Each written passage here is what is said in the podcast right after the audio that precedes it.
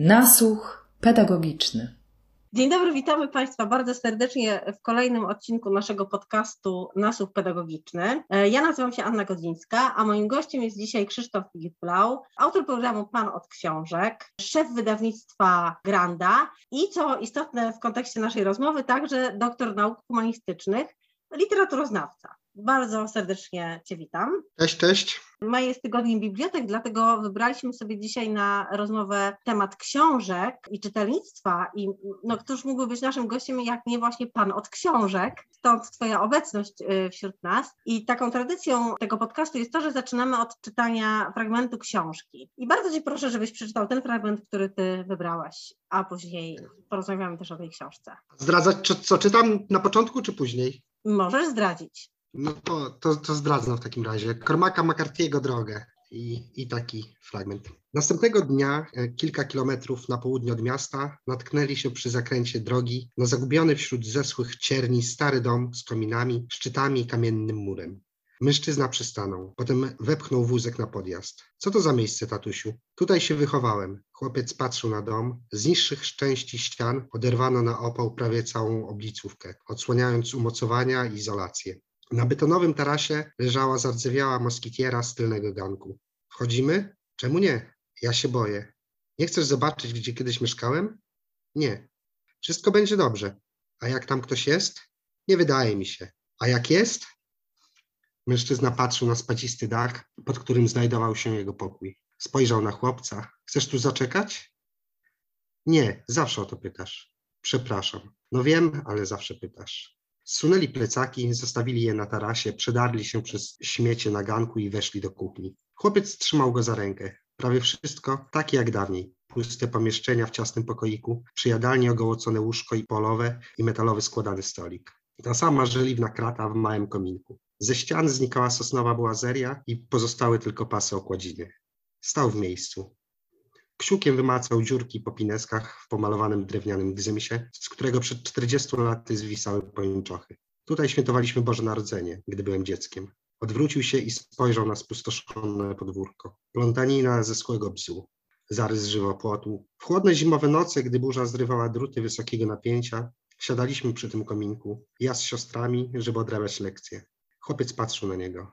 Patrzył na niewidzialne zjawy, odbierające mu ojca. Powinniśmy już iść, tatusiu. Tak, odparł mężczyzna, ale stał w miejscu. Przeszli przez jadalnię, gdzie cegły y, w palenisku były już tak żółte, jak w dniu, gdy je ułożono, bo matka nie mogła ścierpieć widoku sadzy. Podłoga wypaczona od deszczówki. W salonie stos kości małego, poćwiartowanego zwierzęcia. Chyba kota. Przy drzwiach szklaneczka. Chłopiec ściskał mężczyznę za rękę. Weszli po schodach, skręcili i zagłębili się w korytarz. Na podłodze małe kubki mokrego tynku odsłonięte listwi sufitowe. Stanął w drzwiach swojego pokoju. Niewielka przestrzeń pod okapem. Tutaj spałem. Łóżeczko było pod tamtą ścianą, żeby nocami liczonymi w tysiące śnić sny dziecięcej wyobraźni. Światy tak piękne lub przerażające, jakie tylko mogą być, ale żaden niepodobny do tego, który ostatecznie nastał. Mężczyzna otworzył szafkę, spodziewając się chyba, że zobaczy swoje rzeczy z dzieciństwa. Przez dach wpadło do środka zimne światło, szare jak jego serce. Tatusiu, powinniśmy już iść. Możemy iść? Tak, możemy. Ja się boję. Wiem, przepraszam. Bardzo się boję. Już dobrze. Nie trzeba było tutaj przychodzić. No, I tak. wybór takiej książki? Bo jestem bardzo ciekawa. Dlaczego to droga właśnie? Co, jak czytałem ją, to zrobiła na mnie bardzo duże e, wrażenie. To też e, jedna z niewielu książek, którą przeczytałem dla przyjemności, w tym sensie, że nie wymagał ode mnie tego rygor czasowy, recenzencki jakiś i, i, i tak dalej, a jakieś odwołanie się do klasyki, takiej trochę może mniej oczywistej, nie? bo to nie, nie literatura rosyjska, francuska, amerykańska, która jest trochę, trochę z boku na co dzień. Mhm. No właśnie, chciałabym z Tobą porozmawiać o literaturze, ponieważ tak jak już przed chwilą wspomniałeś, że dużo czytasz i rzadko czytasz dla przyjemności, ale y, pewnie czytasz też dlatego, że lubisz w gruncie rzeczy. A ciekawa jestem, co tobie daje literatura, co ci daje czytanie? Oj, ale, ale łatwe pytanie zadałaś. Bardzo, prawda? Mhm. mhm. Wiesz co, no daje wszystko, nie? Znaczy, no od jakichś utartych takich e, oczywistości jak e, wyobraźnia i tak dalej, ale też refleksje na temat e, współczesności, przeszłości. No taka też jest droga, e, bo choć to jest science fiction w zasadzie, tak to możemy e, gatunkowo określić, e, no to jest coś, co powoduje, że myślimy o tym, gdzie jesteśmy i jak wygląda nasz, nasze życie, a także gdzie, e, gdzie to może się skończyć i miejmy nadzieję, że tak jak nie. e, Nie w drodze. te- tak, tak jak nie w drodze. Żeby nasz Mhm. świat tak nie wyglądał jak ich. Ale w ogóle, wiesz, mm, pytam Cię tak w ogóle o literaturę, bo jesteś osobą, która czyta mm, na wielu poziomach, w sensie czytasz to, czytasz książki do recenzji, czytasz książki mm, do pracy naukowej, czytasz książki, które masz, e, jakby robisz segregację dotyczą, dotyczącą wydawania książek, dotyczącą tekstów, czyli jeszcze takich niegotowych do końca książek, zanim zostaną wydane. E, Co Ci daje to czytanie? Czy to, że czytanie jest takie jak e, ten utarte hasło Umberto Eco, czyli kto czyta, ten żyje dwa razy? E, Czym jest dla Ciebie lektura? Nie wiem, Aniu, jak ci odpowiedzieć. to za trudne pytanie, zdecydowanie. Mhm. Jest to jakieś indywidualne. No, dużo jest takich elementów. Ja na przykład też e, lubię, e, przez to, że pro- prowadzę bardzo dużo spotkań autorskich. To też jest Mhm. coś, co bardzo lubię. I to też nie tylko dobre książki. Ja na przykład lubię przeczytać złą książkę, jak wiem, że rozmawiam z autorem i nie podchodzę do niego, nie wiem, z góry, czy że, nie wiem, czy że robi słabą literaturę, e, tylko jestem zainteresowany tym, dlaczego on tak robi, co, co go pcha też do tego czytania, więc od kontaktu z ludźmi e, i tak dalej. Ale stałbyś też na straży tego myślenia o literaturze, że jakiś pan chyba Olga Tokarczuk coś takiego powiedziała, że nie doświadczamy wielu rzeczy w swoim życiu, ale przez to, że czytamy o tych rzeczach, o jakichś wydarzeniach i zdobywamy to doświadczenie trochę pośrednio, czyli uczymy się żyć, w gruncie rzeczy czytając beletrystykę. Tak, choć to też jest indywidualne. Znaczy, bo ja, ja, ja zakładam, że każdy powinien czytać tak, jak chce, to, co chce i, i po, pozostawiam przestrzeń e, zupełnie do, e, do tego. No ale no, współczesna, e, współczesne szerokie zainteresowanie reportażem choćby i to często reportażem, który w cudzysłowie nazwijmy orientalnym, no pokazuje to, że chcemy właśnie poznać ten świat, którego nie do końca znamy i którego nie możemy doświadczyć. Mhm. A mm, ponieważ naszego podcastu słuchają głównie nauczyciele i ludzie pracujący w oświacie, to jestem ciekawa i w edukacji. E, Czy masz jakieś takie wspomnienia e, z literaturą z, właśnie z czasów szkolnych? Czy szkoła była w ogóle takim miejscem, które w tobie wywoływało i te nauczycielki polonistki wzbudziły w tobie taką litera- e, mm, miłość do literatury i lektury zachęcały cię do sięgania po kolejne książki? Czy to przyszło już w późniejszym czasie? Nie, to się narodziło w gimnazjum e, od nie nauczycielek, ale jakby później te nauczycielki były dla mnie ważnymi, e, Mhm. ważnymi drogowskazami. Ja nawet pamiętam, że napisałem, on pewnie gdzieś jest w sieci dostępny. e, Gazeta Wyborcza miała taki, to była druga edycja konkursu na opowiadanie. I tam Mhm. było opowiadanie no, o kimś ważnym dla ciebie w, w twoim życiu. Nie pamiętam, jak to było sformułowane. I ja właśnie napisałem o swojej polonistce z liceum ten tekst, więc jest on do odgrzebania. To były takie drogowskazy. Ja oczywiście niekoniecznie chciałem czytać te wszystkie lektury, które były jakby e, kanoniczne, ale przez to, że dość szybko stwierdziłem, że będę zdawał maturę rozszerzoną z polskiego jeszcze w tym mm, starym trybie, to zostałem listę tych lektur rozszerzone i to ta lista jakby była dla mnie ciekawsza, bo tam był Mistrz Małgorzata e, na przykład i to, e, to wolałem czytać. E, A byłem w klasie matematycznej, więc jakby te dwie rzeczy się e, ścierały. Jeszcze Mhm. historyk też, miałem historyka super w gimnazjum, który na przykład opowiadając o, e, o tych bi- bitwach wszystkich pokazywał pisarzy, którzy w tym czasie działali. Jakby pokazanie tego szerszego kontekstu, że to nie było tak oderwane, też mnie zainteresowało i sam sobie później spisywałem po prostu jakiegoś sępa szarzyńskiego i, e, e, i go łączyłem z, z królem i jego działalnością wtedy, nie? Mhm. A y, miałeś takie jakieś ulubione lektury szkolne, takie nawet wczesne, podstawówkowe, bo wiele osób, jak mm, rozmawia się z nimi o książkach ulubionych, to często wspominają szkolnych książkach, lekturach takich ulubionych, to wspominają takie pierwsze swoje, właśnie takie pierwsze lektury typu dzieci z Bulerbyn, albo Plastusiowy Pamiętnik, Karolcie, takie bardzo, bardzo wczesne pierwsze lektury, które pokazały, czym jest tak naprawdę literatura i że można w to wsiąknąć. Pamiętasz jakąś taką książkę? Yy, tak, ale to jeszcze chwilę. Dzieci z Bulerbyn odświeżałem, nie wiem, z pięć lat temu, jak czytałem jeszcze z córką. I jakby mnie w ogóle ta książka ani wtedy, ani teraz e, e, nie ruszyła, ale taką książką, która dosłownie mnie zmiotła, to był Król Maciuś I. I pamiętam, że chyba pierwszy tom jakoś był wymagany, to czy trzeba było przeczytać, ja przeczytałem drugi i wyłem jak bubr, czytając te, te książki. Jakby niesprawiedliwość tamtego świata wobec tego Maciusia była dla mnie e, straszna. No. Mhm. A z późniejszych lektur szkolnych, takich, które ci utkwiły, z tych właśnie jednak obowiązkowych, do Mm, których może wróciłeś, albo które na tobie zrobiły takie wrażenie, że, że wciąż gdzieś tam są w głowie? Co, no ten mistrz Małgorzata, ale to nie obowiązkowe. A co nie pamiętam, ale na pewno. No, na pewno, bo to też nie jest tak. E, e, no proces na pewno też. O, no to, e, to proces. Nawet pisałem kiedyś recenzję procesu już później, po, po szkole znacznie. Dostałem proces, bo jakieś nowe wydanie wyszło.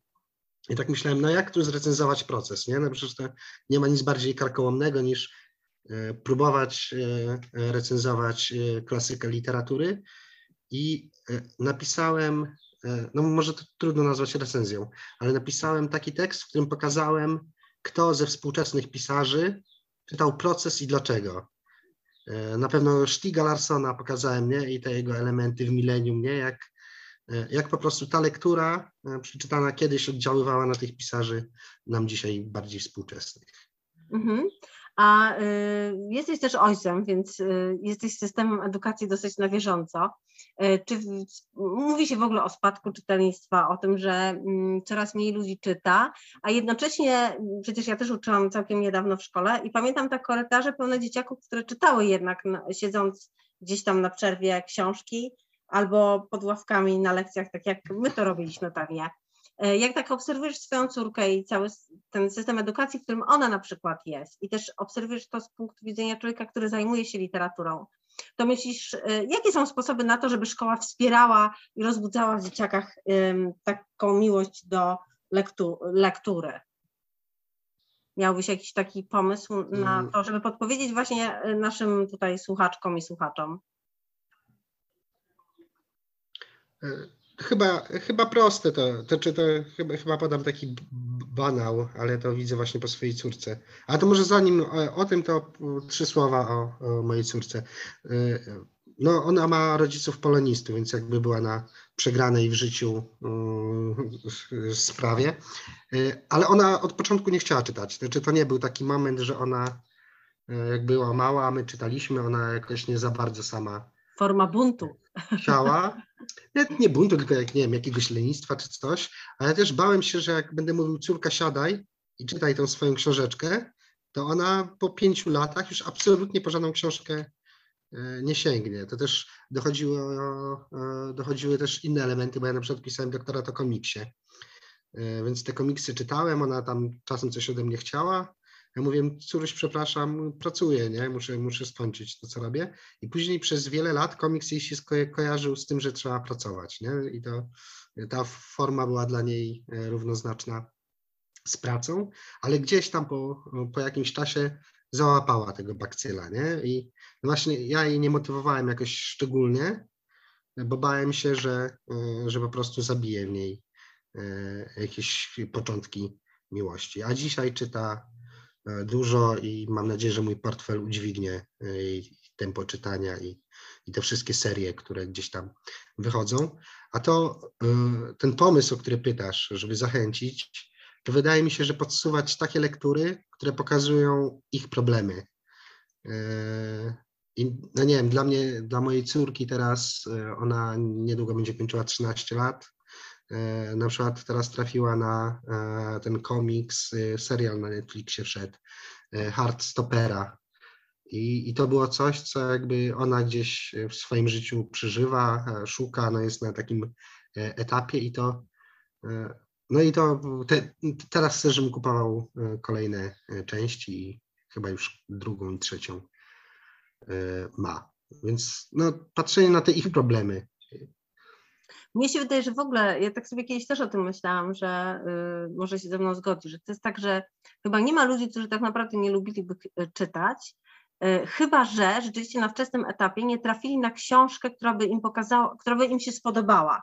W momencie, kiedy trafią na taką książkę, która mówi, w jaki sposób dociera do nich, albo mówi o ich problemach, albo no po prostu wciąga ich jakaś akcja, sposób narracji jest bardzo im bliski, to wtedy się wciągają w czytanie. A jeśli te ich pierwsze próby to jest takie obijanie się o coś, co ich w ogóle nie interesuje, co jest kompletnie nie z ich świata, to wydaje mi się, że to jest już przekreślenie praktycznie na całe życie.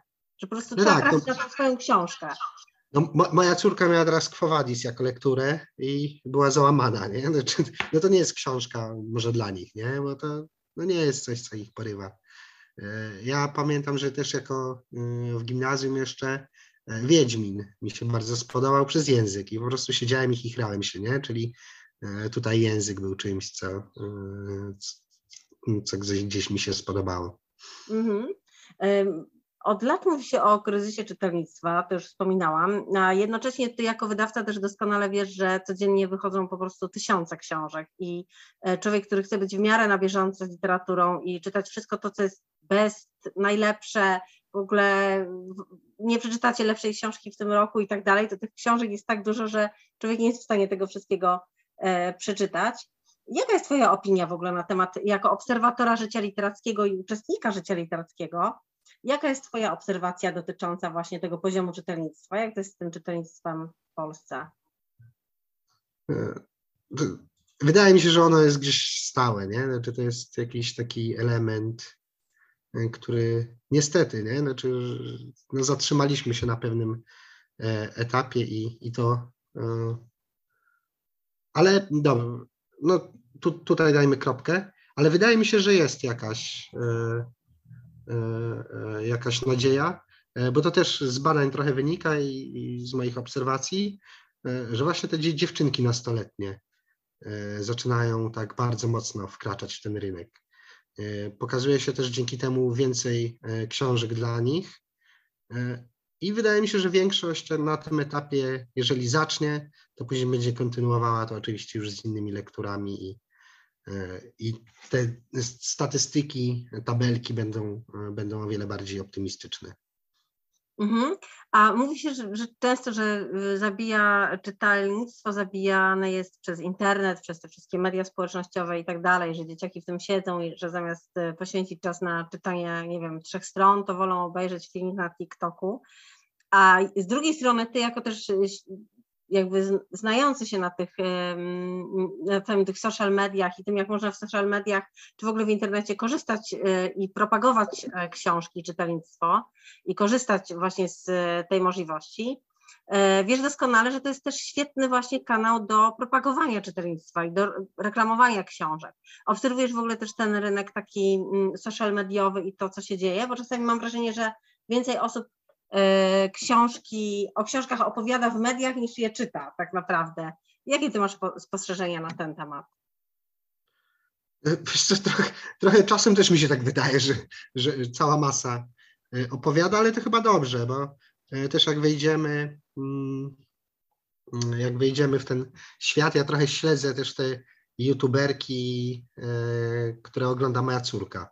I to niekoniecznie jest moja bajka, nie? Bo one no nie zawsze opiniują te książki, opiniują to duże słowo. One zazwyczaj, tam te formuły są takie, że opowiadają o książkach, które będą czytały w tym miesiącu. Jakby na tym się kończy cała ta e, refleksja.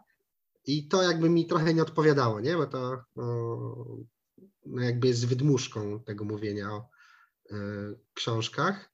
Ale ale skoro działa, to znaczy, że skoro później te dzieci sięgają po te książki, no to chyba jest, chyba jest jakimś rozwiązaniem, ale też później zacząłem zwracać uwagę na przykład na komentarze na YouTubie tam jest cała masa e, tych komentarzy i po prostu te dzieciaki dyskutują ze sobą o tych książkach. No a to już jest wartość dodana, nie? To czy e, mogą powymieniać się, a nie zawsze jest na to przestrzeń w szkole, nie? Nie, nie zawsze nauczyciel ma tę możliwość, żeby e, z nimi porozmawiać o tym, bo, no, bo wiem jak jest. Mhm. A ty czym się kierujesz przy wyborze książek? Oprócz tych, które oczywiście musisz przeczytać z racji na przykład recenzji, czy wydania, czy spotkania autorskiego, ale w momencie, kiedy ty masz wybrać książkę dla samego siebie albo na prezent dla kogoś, to czym się kierujesz? No chyba klasycznie, mm, to znaczy no na pewno e, nazwiska e, pisarzy, mm, które, e, które wiem, że gwarantują jakość, jak Myśliwski, Tokarczuk, ale też te bardziej popularne, jak Orbitowski, to będące bardziej w mainstreamie. A do tego polecenia, nie? To czy no, no przez to, że żyję w takim środowisku, w jakim żyję, no to wymieniamy się gdzieś tymi opiniami. No i tematyka, no ja mam E, kilka płaszczyzn, które interesują mnie najbardziej i e, jakby to staram się śledzić i no ale też trochę e, przebierać, no bo to nie, nie, nie ma nie ma szans na przeczytanie tego wszystkiego absolutnie. Mhm. A co czytasz teraz? Jakbyś mógł polecić coś może nauczycielom na wakacje? Mm, co byś polecił z tych ostatnich rzeczy, które się ukazały i które zrobiły na tobie wrażenie? So, teraz zaczynam czytać Mellera, Marcina, który debiutuje jako pisarz, więc, e, więc z przyjemnością, czy jako pisarz w sensie jako literatury pisarz, pięknej. Tak. tak. Więc z przyjemnością e, z przyjemnością chcę. Czytam teraz Orbitowskiego nowego i ja bardzo, e, bardzo lubię jego pisanie. Od innej duszy się gdzieś to zaczęło i jeżeli Państwo nie czytali, to serdecznie zapraszam, żeby wrócić po tą książkę. Nie wiem, ja czytam głównie smutne książki. Nie wiem, no ja tak mam, że, że to jest coś, co gdzieś znajduję. No i też komiksy, tak? Bo o tym mało mówiliśmy, więc ja też czytam bardzo dużo komiksów. Też, mm, też takich poważnych, y, żeby pokazać, że, że to nie tylko forma dla dzieci i rynek komiksowy też ma się super, więc więc no tak. tak. u nas, y, tu Ci przerwę, że u nas ostatnio rzeczywiście dzięki naszej nowej nauczycielce, konsultantce Marcie Kosteckiej rozwinął się, y, rozwinęła się myślę świadomość dotycząca komiksu i tu nauczyciele i nauczycielki chętnie dyskutują na ten temat i chyba ten komiks już został odczarowany, mam nadzieję, y, że, że już nie jest postrzegany jako taka książka, zabawna książka dla dzieci, prawda, która nie niesie za sobą żadnej głębszej treści, ja Jeszcze jesteśmy na tym etapie. Wydaje mi się, że jest ten moment odczarowywania. Jeszcze to nie jest, znaczy no, idealnie nigdy nie będzie, bo w żadnej płaszczyźnie nigdy nie jest idealnie, ale powiedzmy, że to się posuwa. Oczywiście wszystko potrzebuje czasu, więc, więc taka praca jak Marty jest super. Tak, ja y, powiem Państwu, że ja jako osoba czytająca od zawsze y, też miałam jakiś taki y, moment zawieszenia z komiksem, nie do końca ufałam, dopóki nie trafiłam na Maus i polecam. Myślę, że Maus jest takim komiksem, który robi takie wrażenie. Jest idealnym też przykładem na to, że komiks opowiada o bardzo, bardzo, bardzo trudnych tematach i ważnych. I myślę, że jak się zacznie od takiego komiksu, to później się zrozumie, y, czym jest komiks, prawda? A niekoniecznie y, kojarzący się z Kaczorem Donaldem, który czytany jest przez nasze dzieci, powiedzmy. E, ale y, polecamy, o może tak, polecamy wszystkim nauczycielom, którzy nie są przekonani do komiksów, do sięgnięcia po komiksy po prostu przez wakacje i sprawdzenia tej formy e, literatury. A ja bym chciała zamknąć klamrą to nasze spotkanie, które już powoli zbliża się do końca, bo mm, zaczęliśmy od tego, że maj jest, w maju mamy Dzień Bibliotek i chciałabym do tych bibliotek nawiązać też jako y, y, w rozmowie z Tobą jako osobą, która pracowała jednak wiele lat y, w bibliotece i wciąż masz kontakt z biblioteką. Czym jest dla Ciebie biblioteka i, i dlaczego warto do niej chodzić? Bo myślę, że Ty wiesz, dlaczego do niej warto chodzić. Co ja do biblioteki chodziłem od zawsze. Znaczy ja pamiętam jak mamy, mając chyba tam, nie wiem, z 10 lat wyciągałem, bo to trzeba było z rodzicem przyjść, żeby się zapisać, żeby do książnicy, wiesz, a mieszkałem bliżej Polic, to musiałem ją zaciągnąć, żebyśmy się zapisali. Znaczy nie, nie to, że się jakoś tam opierała, nie? ale no była to jakaś e, wyprawa. E, no i tych powodów dla mnie jest masa. Może też to nie jest nic odkrywczego, no ale to poszukiwanie e, tych książek, e, często nieoczywistych, bo wtedy nie chodziłem jakby, no nie mając zakodowanego, nie chodziłem na jakąś półkę nowości, tylko wybierałem jakąś drogą trochę losową to, co będę czytał i są książki, które gdzieś tam zmieniły mnie. Też znalazłem kiedyś, to czy przeczytałem pół książki z biblioteki, właśnie musiałem ją oddać, jakoś jej nie przedłużyłem i później przez parę lat szukałem tej książki. Znaczy nie pamiętałem tytułu i autora i nie wiedziałem, jak się skończyło i to było coś, e, coś co mi zrobiło jakąś dziurę e, we mnie. I, ale ja jeszcze ją kiedyś znajdę, ale też myśl takiego wtedy, nie wiem, 14-letniego chłopaka było, że ja napisałem do biblioteki i napisałem fragment po prostu, ten, który pamiętałem, e, akcji i, e, i szukaliśmy razem e, z bibliotekarzami tej książki. No nie udało się, ale to jeszcze nic straconego. Dodatkowo no, biblioteki dzisiaj są takim trzecim miejscem, tak? czyli tam jest więcej niż książka w formie fizycznej. Mm, I te spotkania, to poznawanie ludzi, kluby dyskusyjne, to jest no, coś, co daje więcej, nie? I jak poszukujemy jakichś poleceń, e, książek, no to właśnie w, chyba w takim gronie, gdzie, gdzie możemy się powymieniać e, swoim zdaniem.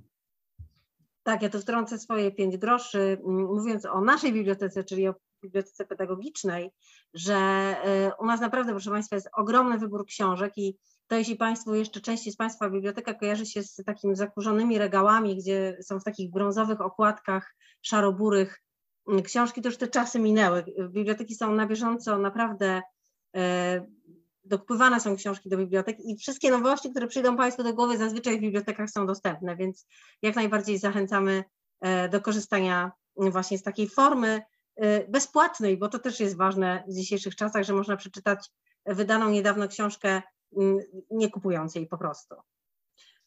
Pamiętam, że byłem kiedyś w Waszej bibliotece i E, też zaprowadziłem kiedyś córkę na noc bibliotek i, i było super, nie? Ona, tam bawiliśmy się e, obydwoje świetnie, więc... A noc bibliotek też chyba jakoś niedługo, nie? Czy, nie pamiętam, czy to...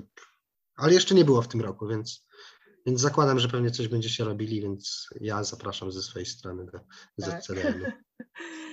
To, to, e, dziękuję Ci bardzo Krzysztofie za tę rozmowę. Mm, porozmawialiśmy trochę o literaturze, porozmawialiśmy trochę o szkole i jej roli E, jaką pełni w tym, żeby dzieciaki nauczyć po prostu czytać i, i, i obcować z literaturą.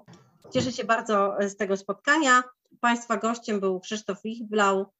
Dziękuję Ci serdecznie. Dzięki serdeczne.